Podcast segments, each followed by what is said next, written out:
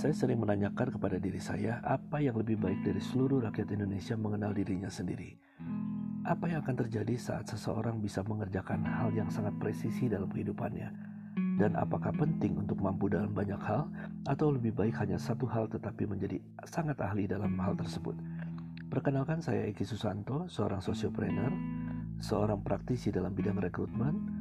Saya menjalankan usaha sendiri dalam bidang tersebut. Alhamdulillah memasuki tahun ke-18 saya adalah seorang bisnis dan entrepreneurship coach yang saat ini menjalankan bidang pendampingan kewirausahaan. Podcast ini akan saya gunakan sebagai sarana untuk berbagi cerita perjalanan yang harapannya dapat menjadi peta untuk perjalanan sahabat-sahabat dalam menemukan keahlian yang presisi.